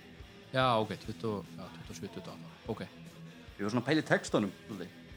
Já, Það er að segja að útgóðu fyrirtæki það var að beða um að vilja fá svona radio-friendly lag. Já, og það er svona, hann að tala um sig eitthvað svona fastur. Já þess að hann vil, vilja komast frá öllu og vilja gera sem hann vil gera. Já, mér finnst það samt svolítið sjálf þetta er pínu svona bara margir text, eða marg, margar svona klísjur ræða saman, að einhver leiti en sem ég svona pæliði sko hérna, ég hugsa að þeir ekkert voru svo ánæg með það herðu, þið þurfa að gera þetta. Við viljum fá eitt radio já, þetta verður örgulega svolítið svona fuck verið you. svolítið, diss í textunum að þeir vilja vera frjálsir. Já, já, vilja, vilja gera sem vilja gera já en mennum samlingsmyndir, það er svolítið já, það er náttúrulega alltaf alltaf vond að vera svona fastur. En ég, já, ég tengi ekki rosa mikið við texta, þó mér finnst lægið mjög gott. Og bara út af því þeir, þú veist, þeir, þeir þorðu eða þeir, þeir, þetta kom flatt upp á þá þeir voru beðnir um að gefa þetta út en þeir þorðu að hafa, hafa lag í svona í dúr, fyrir þau sem, sem veit ekki hver er munurinn á dúr og mól þá hérna þá svona sagt, uh, mól þá er lítil þrýjund í hérna í hljómnum og þá hljómar það svolítið svona drungalegt og, og sorglegt getur sagt, eða já, já, sorglegt. En dúrlög bítlandi voru rosa mikið í dúr sérstaklega til að byrja með þá hérna þá hljómar eh, hljómar, sérst, þá er hljóminu svona, það er miklu meiri hamingju blæðir yfir honum þó að sé náttúrulega al, al, alltaf hægt að snúa hlutunum við og á haus og láta eitt hljómi svo hitt, þá í grunninn er þetta svona þeir höfðu aldrei spilað neitt í dúr Nei. fram að þessu en þeir þorðu því, þeir þorðu að gera það og bara gera það og svo var, ég held að hafi ekki verið fyrir en Hero of the Day það sem ég gerði það aftur En eins og í viðlæginu, mm það tala um í dúr, hamingja. -hmm. Out for my own, out to be free. Já, að hann sé bara, það er svona hamingju tónn í þessu í textanum og já ok, ok ef einhver hlustar á þátt þá verð ég örgulega ég, ég fæ örgulega morðhóttanir sko, fyrir það sem ég er að fara að segja. En ég fjæk svona tilfinninguna out for my own, not to be free Núna þegar, þegar ég var að virkilega í þessum texta þá fekk ég upp í hugan I'm coming out með Diana Ross. I'm coming out. I want the world to know. Ég bara fekk eitthvað svona, svona ég er bara ég, ég gera það sem ég vil. Úst, ég getur líka verið orginal með sálinni, skilur, þetta er saman Já. þema við textanum en alveg eins og með mótorhjólið í Trapped Under Ice, ég veit ekki hvaðan þetta kom þetta bara, það bara meina, þetta frumaði jú, höstum sko. það er bara svo hjóla refa. já. já, en svo kemur svolítið eins og þrjum ár heiskir lofti alveg í lokin hérna svo kemur see them try to bring the hammer down. Geggja. Allt í hennu bara er lægið er maður bara, wow, hvert erum við komið núna? Þetta var rosa svolítið svona upp og leiður okkur inn í sóló. mm inn í sóló. Það sem að Kirk stendur sér bara eins og Já. alltaf. Þetta er ekki sóló sem að kannski stendur upp úr en bara solid. Og svo vitnaðir í hérna uh, viðlagið í lokin. En þá er þessi, þessi lælina komin í mól þannig að það er svona já, það er svona ekki, ekki gleyma því ekki le- gleyma því hverju við erum sko. Nei, nei. svolítið- eins og Hetfield sagði einhvern veginn viðtali hérna uh, hérna we got pretty good at the sad stuff. Já, we didn't want to do the happy stuff so we got pretty good at the sad stuff ég man nú ekki hvað hann sagði þetta en hérna, öruglega þegar hérna, þeir eru að taka upp Black Hole hérna year and a half. Já. held að hafa verið það. En ég hef svo sem ekki miklu upp á þetta Nei, Við ég þetta var, bæta. var að pæli núna sko stað, að þess að Körk alltaf kemur svo hrigilega flott sóló já, hann er svona eins og Sólónas eru, eru þeir eru aldrei slís nei, hann er svona, svona, sí, svona vannmetna, vannmetna hetja svolítið svona, svona underdogin já, svona hann er vannmetinn af fólki sem að mér finnst ekki eiga að vannmeta já, svona, eins og fíbl eins og ég og þú. Okkur finnst geggar já, en svo eru svona já ég, ég ætla ekki að fara út í það hverju það er en mér finnst, mér finnst svona pínu, hann fá pínu svona skíti yfir sig að- frá á fólki sem að mér einmitt þætti eðlilega, eða svona þætti meira típista myndi fílan sko. og alveg eins og, alveg eins og með Lars. Það er enda skiljanlega með Lars. Það er, það er hægt að færa daldið óeiggjandi rauk fyrir því að Lars sé innan gæðsar að lélegur trommuleikari. En þetta snýst ekki um persónleikan þetta er jú, þetta snýst um persónleika E- snýst, Nákvæmlega ég, það. þú veist, ég að tala um að þetta snýst um lítablokkina að, að persónleikin allir þessi fjóri ná að Já. vinna saman. Já, sett einhvern annan á trommunar já, þetta er ekki Metallica lengur. Eh, kannski og einhver öðruvísi Metallica en þeir, eh, þeir lendu í því 2000 og úf, mjög, já, mjög snemma eftir að Trujillo kom til þessu það. Hann hefði 2004 eða 5 þannig að Lars veiktist og, já, hann veiktist alveg svakalega bara fór á spítala sko. og, Og Joey þeir- Jordison kom inn. Já, nei, það, þetta hefur gerst tvisvar þá. Joey Jordison kom inn og spilaði Sandman og kannski eitthvað fleira, ég var allavega bara að segja Sandman já, svo komu, svo voru þeir annars þar, þar sem að voru við hérna Dave Lombardo og ég man ekki hverju fleiri. En þeir skiptu með sér einhverju tvum, þrjum lögum á kjáft sko. það voru, tóku, tóku Battery, Creeping Death For Whom the Bell Tolls, þeir tóku þessa bara gigantísku slagara sem að allir þekkja nokkurn veginn já, já, út í gegn. En og þeir trommuðu þetta nú ger ég ekki að salæfandar aftur miklu betur. En þetta var ekki eins. Nei, þetta var ekki Lars. Þetta, hann, er og, hann er eins og Ringo var fyrir bílana. Já, sett einhvern annan á trommunar á bílanum og þetta er ekki þetta er svo, er er, hann er bara iconic. Hann er, iconic. hann er ekki besti trommuleikar heimi. Hann er iconic, Já. það, er ekki hægt að neyta því. Þetta er bara stílar og Þetta er bara litabókin. Hjúlega ánæg með það konseptið þér. Með, með litapalettuna. Já. ég. Ég er svo artsy sko. Herru, ef að fara yfir í mögulega stærsta lagið á plötunni? Creeping Creeping Death. Creeping Death. Þrið, já, þriðja af þremur stærstu lögunum á þessum þessari plötu. Þetta er, Mjög svona iconic lag. Já sko af, ef ég mætti bara velja tvö lög til þess að sína einhverjum sem veit ekkert, veit ekki eins og Metallica er, er hljómsveit eða séu til. Já. ef ég er að velja tvö lög ever af Metallica þess að sína þeim um hvað máli snýst Creeping Death, Master of Puppets.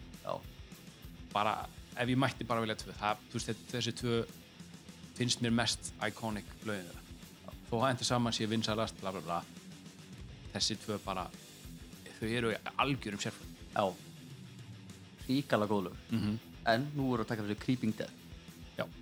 Og það er þrjú lög á þessu plötu sem eru svona mest já, spiluðu lögin live. Já, Það, held, það er Fade to Black já. Ég, og Rúna ég, Bell ég, Tolls já, og Creeping Death mm ég var búinn að segja standa við tíkalli, ég ætla að standa við það. Já, ég held að Creeping Death hafi verið spilað oftast. Ég held að í öðru hætti sé For Whom the Bell Tolls og í þriðja sé Fate to Black. Já. Þú ert með listan hver er? Ég er bara alveg sammálaður Það er- Á, var þetta rétt í mér? Já, ég var bara að hugsa það sama. ok, Það spila kring 1500 sinnum live. Já, já. Geti trúið og fór hún að Beltos kring 1200 Fade Já. to Black 1100 sinnum. Því en þú sér það, sér þessi tölur. Þetta er rosalega Escape Cut, tísvar já, skip, tvisvar.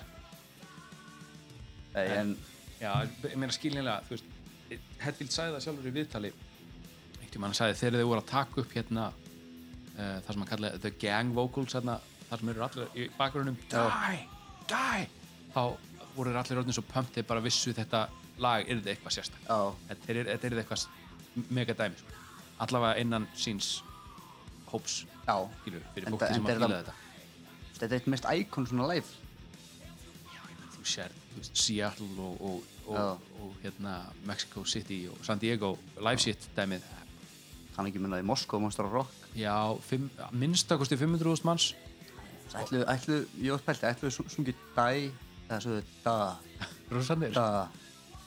Sovjetmenninni Já, þeir sem voru aftast kannski sungu dag, ég veit ekki. En það kemur í ljós, við veitum það ekki, þetta er bara pælingar. En já, þetta lag uh, Creeping Death það fjallar um sagt, uh, Moses og gýðinguna gýðinguna, gýðingana fyrir geðu hérna úr uh, biblíunni úr gamla testamentinu í fornegiftalandi þar læðist dauðin um sem sagt dauðin er uh, Creeping Death uh, dauðin sem læðist, getur við sagt. Bíómyndin bíómyndin hétt The Ten Commandments með Charlton Heston í aðalhlutur þar, hún er byggð á sem sagt, á þessum biblíuversum og þessum biblíusögum. Og þar var sem sagt eh, engill döðans, Angel of Death og í þeirri mynd var hann settur fram sem svona grænt ský. Já, og græni liturinn á þá að takna einhvers konar pláu eða einhvers konar veiru og þannig og hérna þegar þeir horfðu á myndina saman hvort þið voru allir eða hvort það var bara Cliff og einhver annar þá á Cliff að hafa sagt þegar hann sá skýið. Wow, that's like creeping death. Og þar kom titillinn. Það það getur komið úr af ótrúlega Það kom ekki smáskífa með þessu lagi? Jú, Er ekki, ekki coverið svona eins og hauskúpa í fjalli? Ég veit ekki. Það er ekki gott það ég, það getur verið. En þetta sagt, það var svona extended útgafa af the Lightning þar sem að Creeping Death og For Whom the Bell Tolls live útgáfur voru með. Já, og það lengdi blötuna um korter. Joke, hún var 47 mínútur og endaði í 62 með þessum. Og hérna sem er bara eitthvað sem ég sá hérna á Wikipedia já, það er örgulega, rétt fyrst að stendur á netinu. En já, þessi engill döðans, Angel of Death var sendur til þess að drepa alla frumburði. Frumburði alla í, í Response, já. Og, en Moses sem sagt uh, hann fekk uh, segja, ekki heimsókn frá Guði, hann fekk orð frá Já. Guði, fekk ráð. Þar sem Guði sagði honum að þeir sem að uh, mála mála hérna, ekki mála þeir sem að setja blóð úr lampi á dyrnar hjá sér Já, út í dyrnar. Uh, þeir, þeir þeim verður hlýft því að þeir hérna þá veit ég að þeir hafa fórnað einhverju í stað og fórnuðu þeir sérst lambi eða, eða sérst sem var matur. Þeir fórnuðu lambi í stað þess að þurfa að fórna frumburði. Og sérst og þá fór Guð fram hjá þessum höfum með að pass over. Og þaðan kemur pass over sérst nafn á, á þessari ég vil ekki segja hátíð en á þessari hefð þessari trúarhefð, gýðinga pass over, þetta eru bara já, þetta er, við höfum páskana þau eru með pass over ég veit ekki mikið meira um þessa uh, trúarhefð. Já. þetta er alltaf á sama tíma á páskana. Ja, mjög svipum já, það er svona tími frjósemis. Já. og hérna um, en Egiptarnir fengu ekki þessa viðvörun og Nei, þeir mistu alla sína frumburði. Og náttúrulega þetta fjallar náttúrulega líka 400 ári ánöð neftir í Já, já. ánöð af, af hérna, faróum í Egiptalandi, allir giðikandir já, já, og fjallar svona, svolítið um þeirra svona ströggl að, að einhverju liti en já, meira svona séð frá já, bara er bara döðin holdi klæddur komin hann á fokk í öllu hann í getur látið til forna. Það ætla ætla það hefur verið döðundi horna eða það ætla það verið geimurur ég meina þetta var grænt Já, í myndinni Mm. mm. kannski vissu eitthvað sko. en það er ekki annar podcast sem um geimurur já, anna- akkurat, við förum yfir það svo þetta, þetta riff, sérstaklega miðjuriffi, það sem er allir að syngja die, die þetta. það er uh, riff sem að Kirk samti þegar hann var 16 ára gammal Já, og þetta uh, þetta riff og einhver fleiri úr hérna úr læginu voru í uh, lægi sem að var bara tekið upp sem demo af Exodus og hétt Die by His Hand það kom aldrei út en þegar Kirk síndi þeim riffin þá tók James að sér að se- semja nýjan texta og breyta einhverjum af þessum eh, riffum. Og já, eh, bara þetta er af öllum lögum sem þeir spila live ef að þessu lagi er þið sleft ef ég myndi að mæta tónleika já, fyrsta skipti, ég döðskamast mín fyrir að hafa ekki gert það en ef þeir spila ekki Creeping Death þegar ég fyrir tónleika ég, ég verð alveg pínu, pínu pongu lítið sár. Ég verð sár, já, þetta er eitt af lögunum sem ég bara verð að heyra. Ég verð að fá öskra dæð til ég missi röddina sko. ég, bara, eh, ég, hef, ég hef bara rosalega lungun til þess að fá að upplifa þetta. Upplifið þetta sem svo þeirna frelsissiftingu, það var ekki að gera Já. Jesus. Ég var rángur aðli hlustar á þetta podcast ég var að brjála þér, ég finna þig og, og meða þig, Við með að gera það. Ég skrifaði bref Já, Tölum núna um hérna gítarsólóið Besta sólóið á plötunni já, klárlega 100% sko. hann, er, hann er bara, þú veist, hann er að þú veist, bara hvernig hann fer inn í sólóið ah, God, sko geðvitt, en svo svo allt í hennu hann, er, hann er að rippa og hann er alveg að spila á miljón ógisla hratt og svo fer hann bara yfir svona ógisla simpul melodi Já. og það bara sýnir hvað hann var alltaf með veist, þeir alltaf voru bara með lægið í huga hvað, þú veist, hvernig get ég þjóna læginu Já, þarf ekkert að sína, sína hvað ég get alltaf við erum ekki Dragon Force sko. eða, eða krím reyna að vera eitthvað.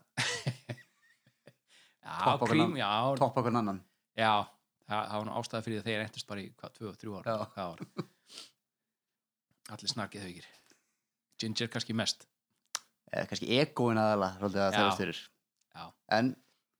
En Metallica, þeir voru þeir bara þjónu lögunum. Já. það það var, er bara heildinni Heild, það sem gerir þetta band líka svo ógeðslega gott og stórt Já. er að þeir hugsuðu bara um þetta er alltaf Metallica. Þeir er ekki þessi í dag þeir, það er James Hetfield eða þessi, Kirk. Hammett, Cliff Lars. Þetta er alltaf, fólk hugsa mikið um heildina. Já. það fá, sem, það fá allir að eitthvað að, að ljósitt skína í bandinu það er alltaf allt tónleikum gítarsóló, bassasóló trómusóló. Ekki lengur en, en já, en það var, var alltaf það var, alltaf verið ekki um árun sko. en hérna það er líka, sko, það þekkja ef það er gerð könnun hver var í frægasti meðlumi Metallica? Já, ég gæti alveg trúið að það væri Lars Ulrich já, frekar en Hetfield. Það er svolítið sérstætt að söngvarinn sé ekki þekktasti meðlumurinn hann er örgulega næst, Já, alveg pottitt en ég held að Lars sé frægar það er kannski út að hann er, hann er náttúrulega rosalega málglæður og hann er svona, hann er líka talsmaður Já.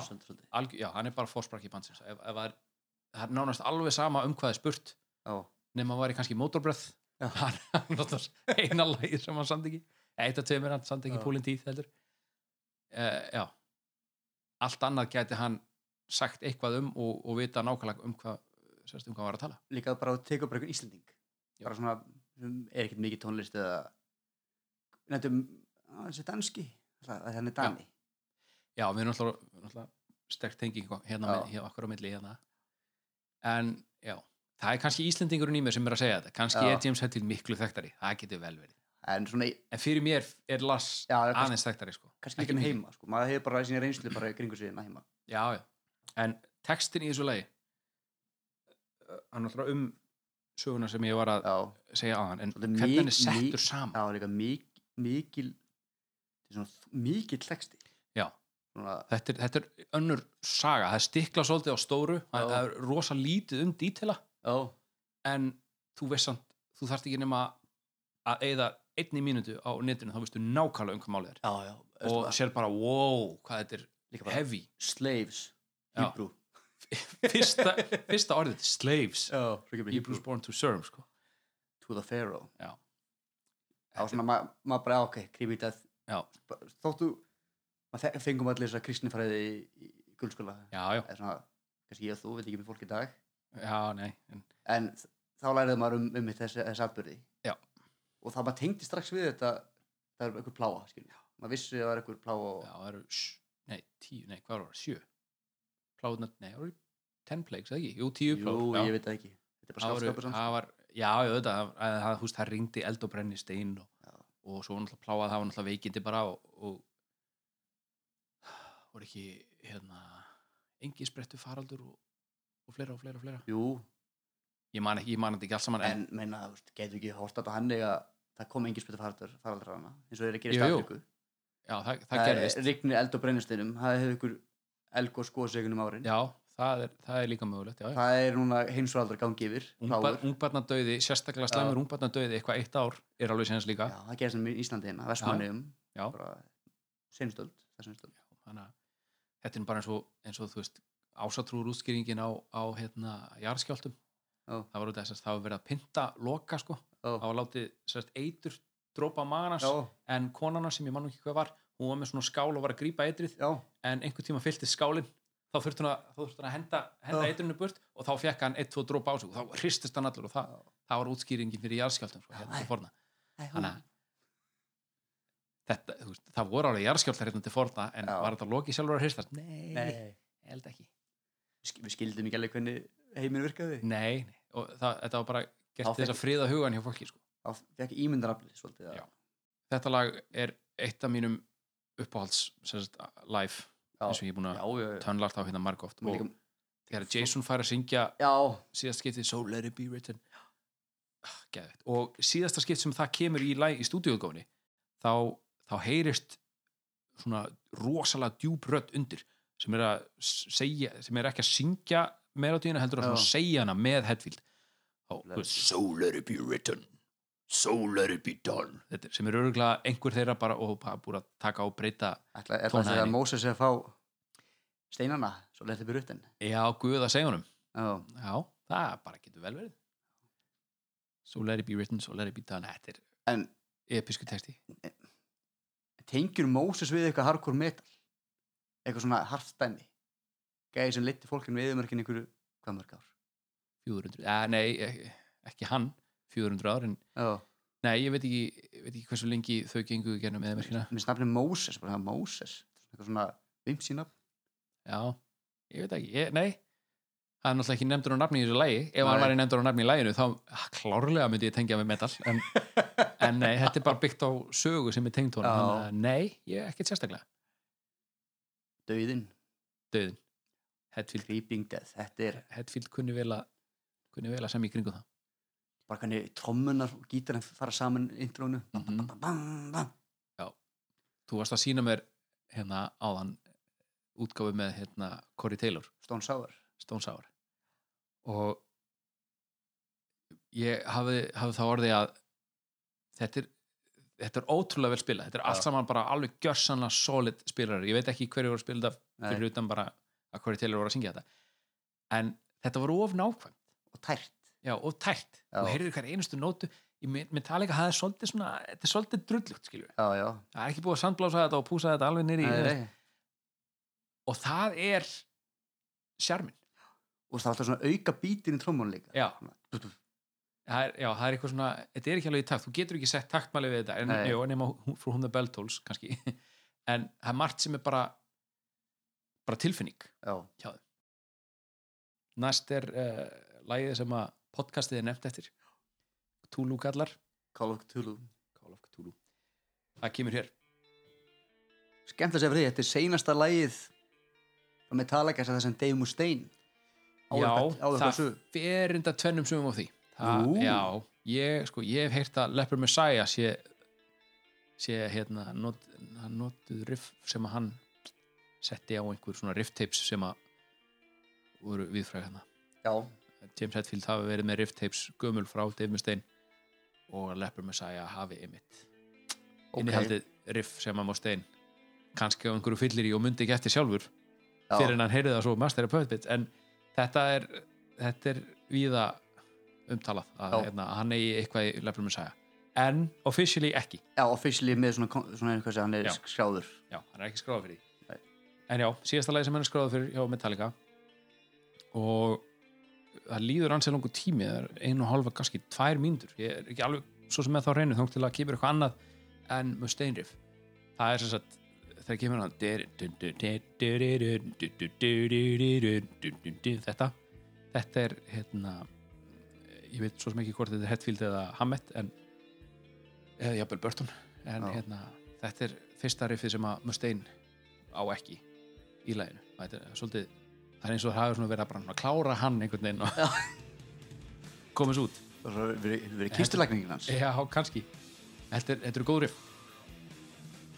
Og þeir náttúrulega byrja á þessu lægi á hérna, symfóníu, fyrri symfóníu tónleikunum sem þið hétu, já, SNM 99 óbúslega flott að hafa symfóníu. Þetta, þetta lag er bara nánast gert til þess að vera með symfóníu minnst þetta eitt af bestu lögum. Maður setur þessu hérna tól Já. og leggst niður hlusta þetta lag Já, það, það, það, það, sko, þarf vel að hlusta þannig. Já, það er svo mikið í gangi í því. Já. þetta er svona ég veit, veit, ekki- veit hvernig alveg hún komið svo frá mér en, en vindurinn er í, í þessu svona effekti. Já, akkurat. Það er eitthvað svona sem gerist maður þú veist svona að pikka hlutin eins og mm kattaröskrið í bassanum. Já, á tímabili er hann bara sólóa. Já, bara, bara full, full, hann bara sólóa á miljón og ef þú hlustar, hlustar mjög gömgjöfulega þá heyrir bara að hann er þú veist, hann er búinn að spila riffbassan sko, og svo er hann að sólóa yfir það líka sko. bara svona í bakgrunn þegar hann- kemur og svo, og svo allt í hennu svona hjarnar sko, þetta sem er Geðveikt. geggja við kliff þú veist svona hlusta eftir þessum litlu hann var svolítið svona psychedelic svona, vildi skapa eitthvað svona hljóðheim sem að þetta er einmitt við við, það er einmitt við þetta lag að bara þú verður að einbytta að hlusta það. Mhm. maður þarf eiginlega bara að gefa sér tíma leggast niður og helst loka augunum. Já, finna þessa litlu punkta. Það, þú myndi alltaf finna eitthvað nýtt finnst mér þú hlustar á þetta. Já, ég held það líka. En já, e, já þarna kemur þessi frasi sem ég ofnotaði síðasta podcast. En já, en já ég er að reyna að bæta mig gott fólk, þið sem hafa hlustuð bæði. Já, ég er hann að bæta út á sötunum mína það er einn að finna betri punkta til að tala skýrar og betur svo maður sé ekki tal latur já, já, við erum við, hérna, við vöksum með þessu. Já. Spurning sko, þetta er þetta er verðlun þetta er enn að hlusta á fyrsta og annað þáttir þá er bara hetjur. Já, þeir fáið svo ríkla mikið út af því að sjá okkur þroskast í þessu. Mm við erum bara á við erum að þroskast með plötun við Já. vorum rosa, rosa grænir já, á kilomál við erum svona, er svona við erum með pínur einsla bakinu núna aðeins skipulaðari já. Ég held held að á seint engar verður við, við, þá voru konum með effektinni pjú, pjú, pjú For- Formule 1 bíl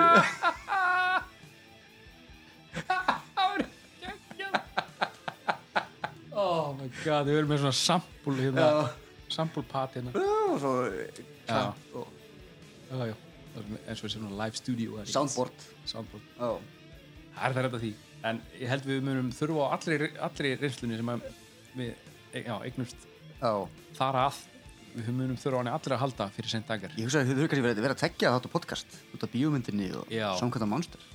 Já og já, við, við, við, við bælum í því Já, þegar já. það kemur en hérna En nú erum við í The Call of Cthulhu. Call of Cthulhu nú eru Cthulhu kallandir í að hlusta á Cthulhu kalla Ég er alveg sprengt Eitthvað það sem sem- síða hennar sko. Já, En- það er alltaf leið en þetta lag já, fyrsta svona þetta er ekki fyrsta instrumentalagið en þetta er samt eiginlega fyrsta instrumentalagið. Fyrsta var bara bassasólu Vorum við búin að tala um hérna Cthulhu sjálfan? Nei, svo sem ekki. Hvar, Hvaðan kemur þessu hugmynd Cthulhu? Eh, já, þetta kemur úr já, við vorum búin að minnst á það þetta kemur úr sögu H.P. Lovecraft þar sem að hann er svona díla við hérna alls konar skrýmslu úr öðrum vítum sem að reyðast, eða svona, já, reyðast sér leið inn í okkar vít Já. og Cthulhu er, er eitt af þeim og um, eftir því sem ég best veit ég hef ekki lesað þessar sögur en ég hef uh, spilað mörg spil sem eru byggð á þessum sögum og, eins og þú segir hilluna þetta fyrir aftan því Arkham Horror hérna, næst efst. Já. þetta er H.P. Lovecraft uh, svona inspired spil og þá er, þetta er, gerist rosalega mikið á svona 1920-1930 Já.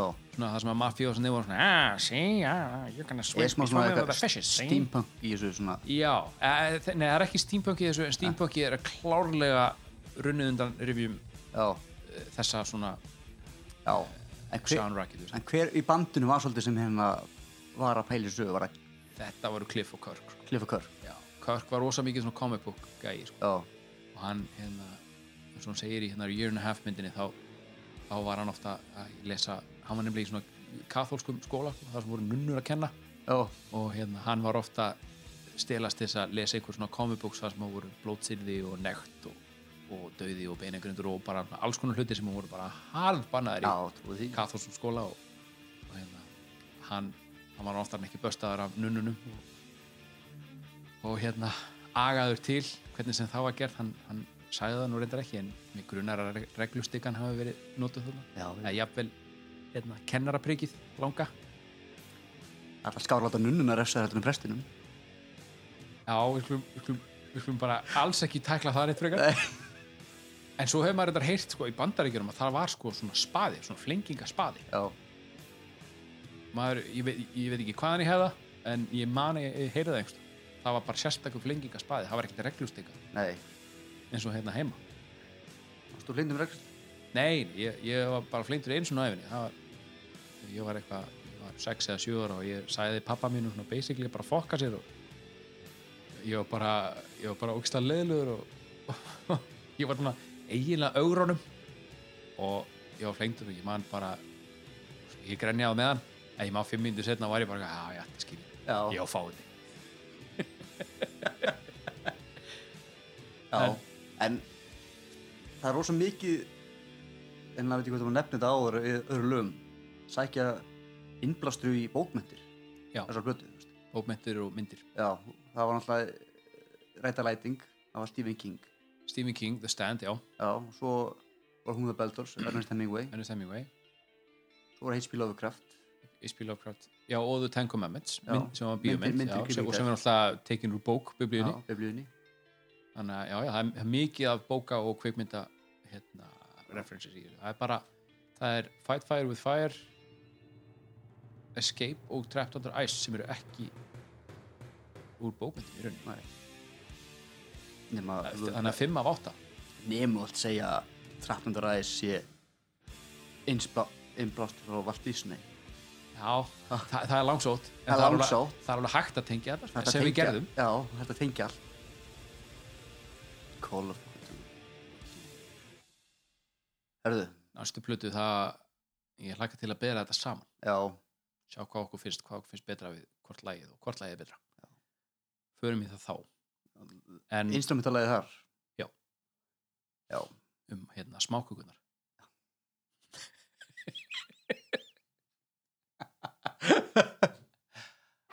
Æja, Sigurður. Er þetta ekki bara að koma gott? já, Herri, við, við þökkum fyrir okkur. Já, Túlú kallar kveðja. Já, mjög. Úi, Herri, næst er það Master of Puppets. Já. Sjáumst á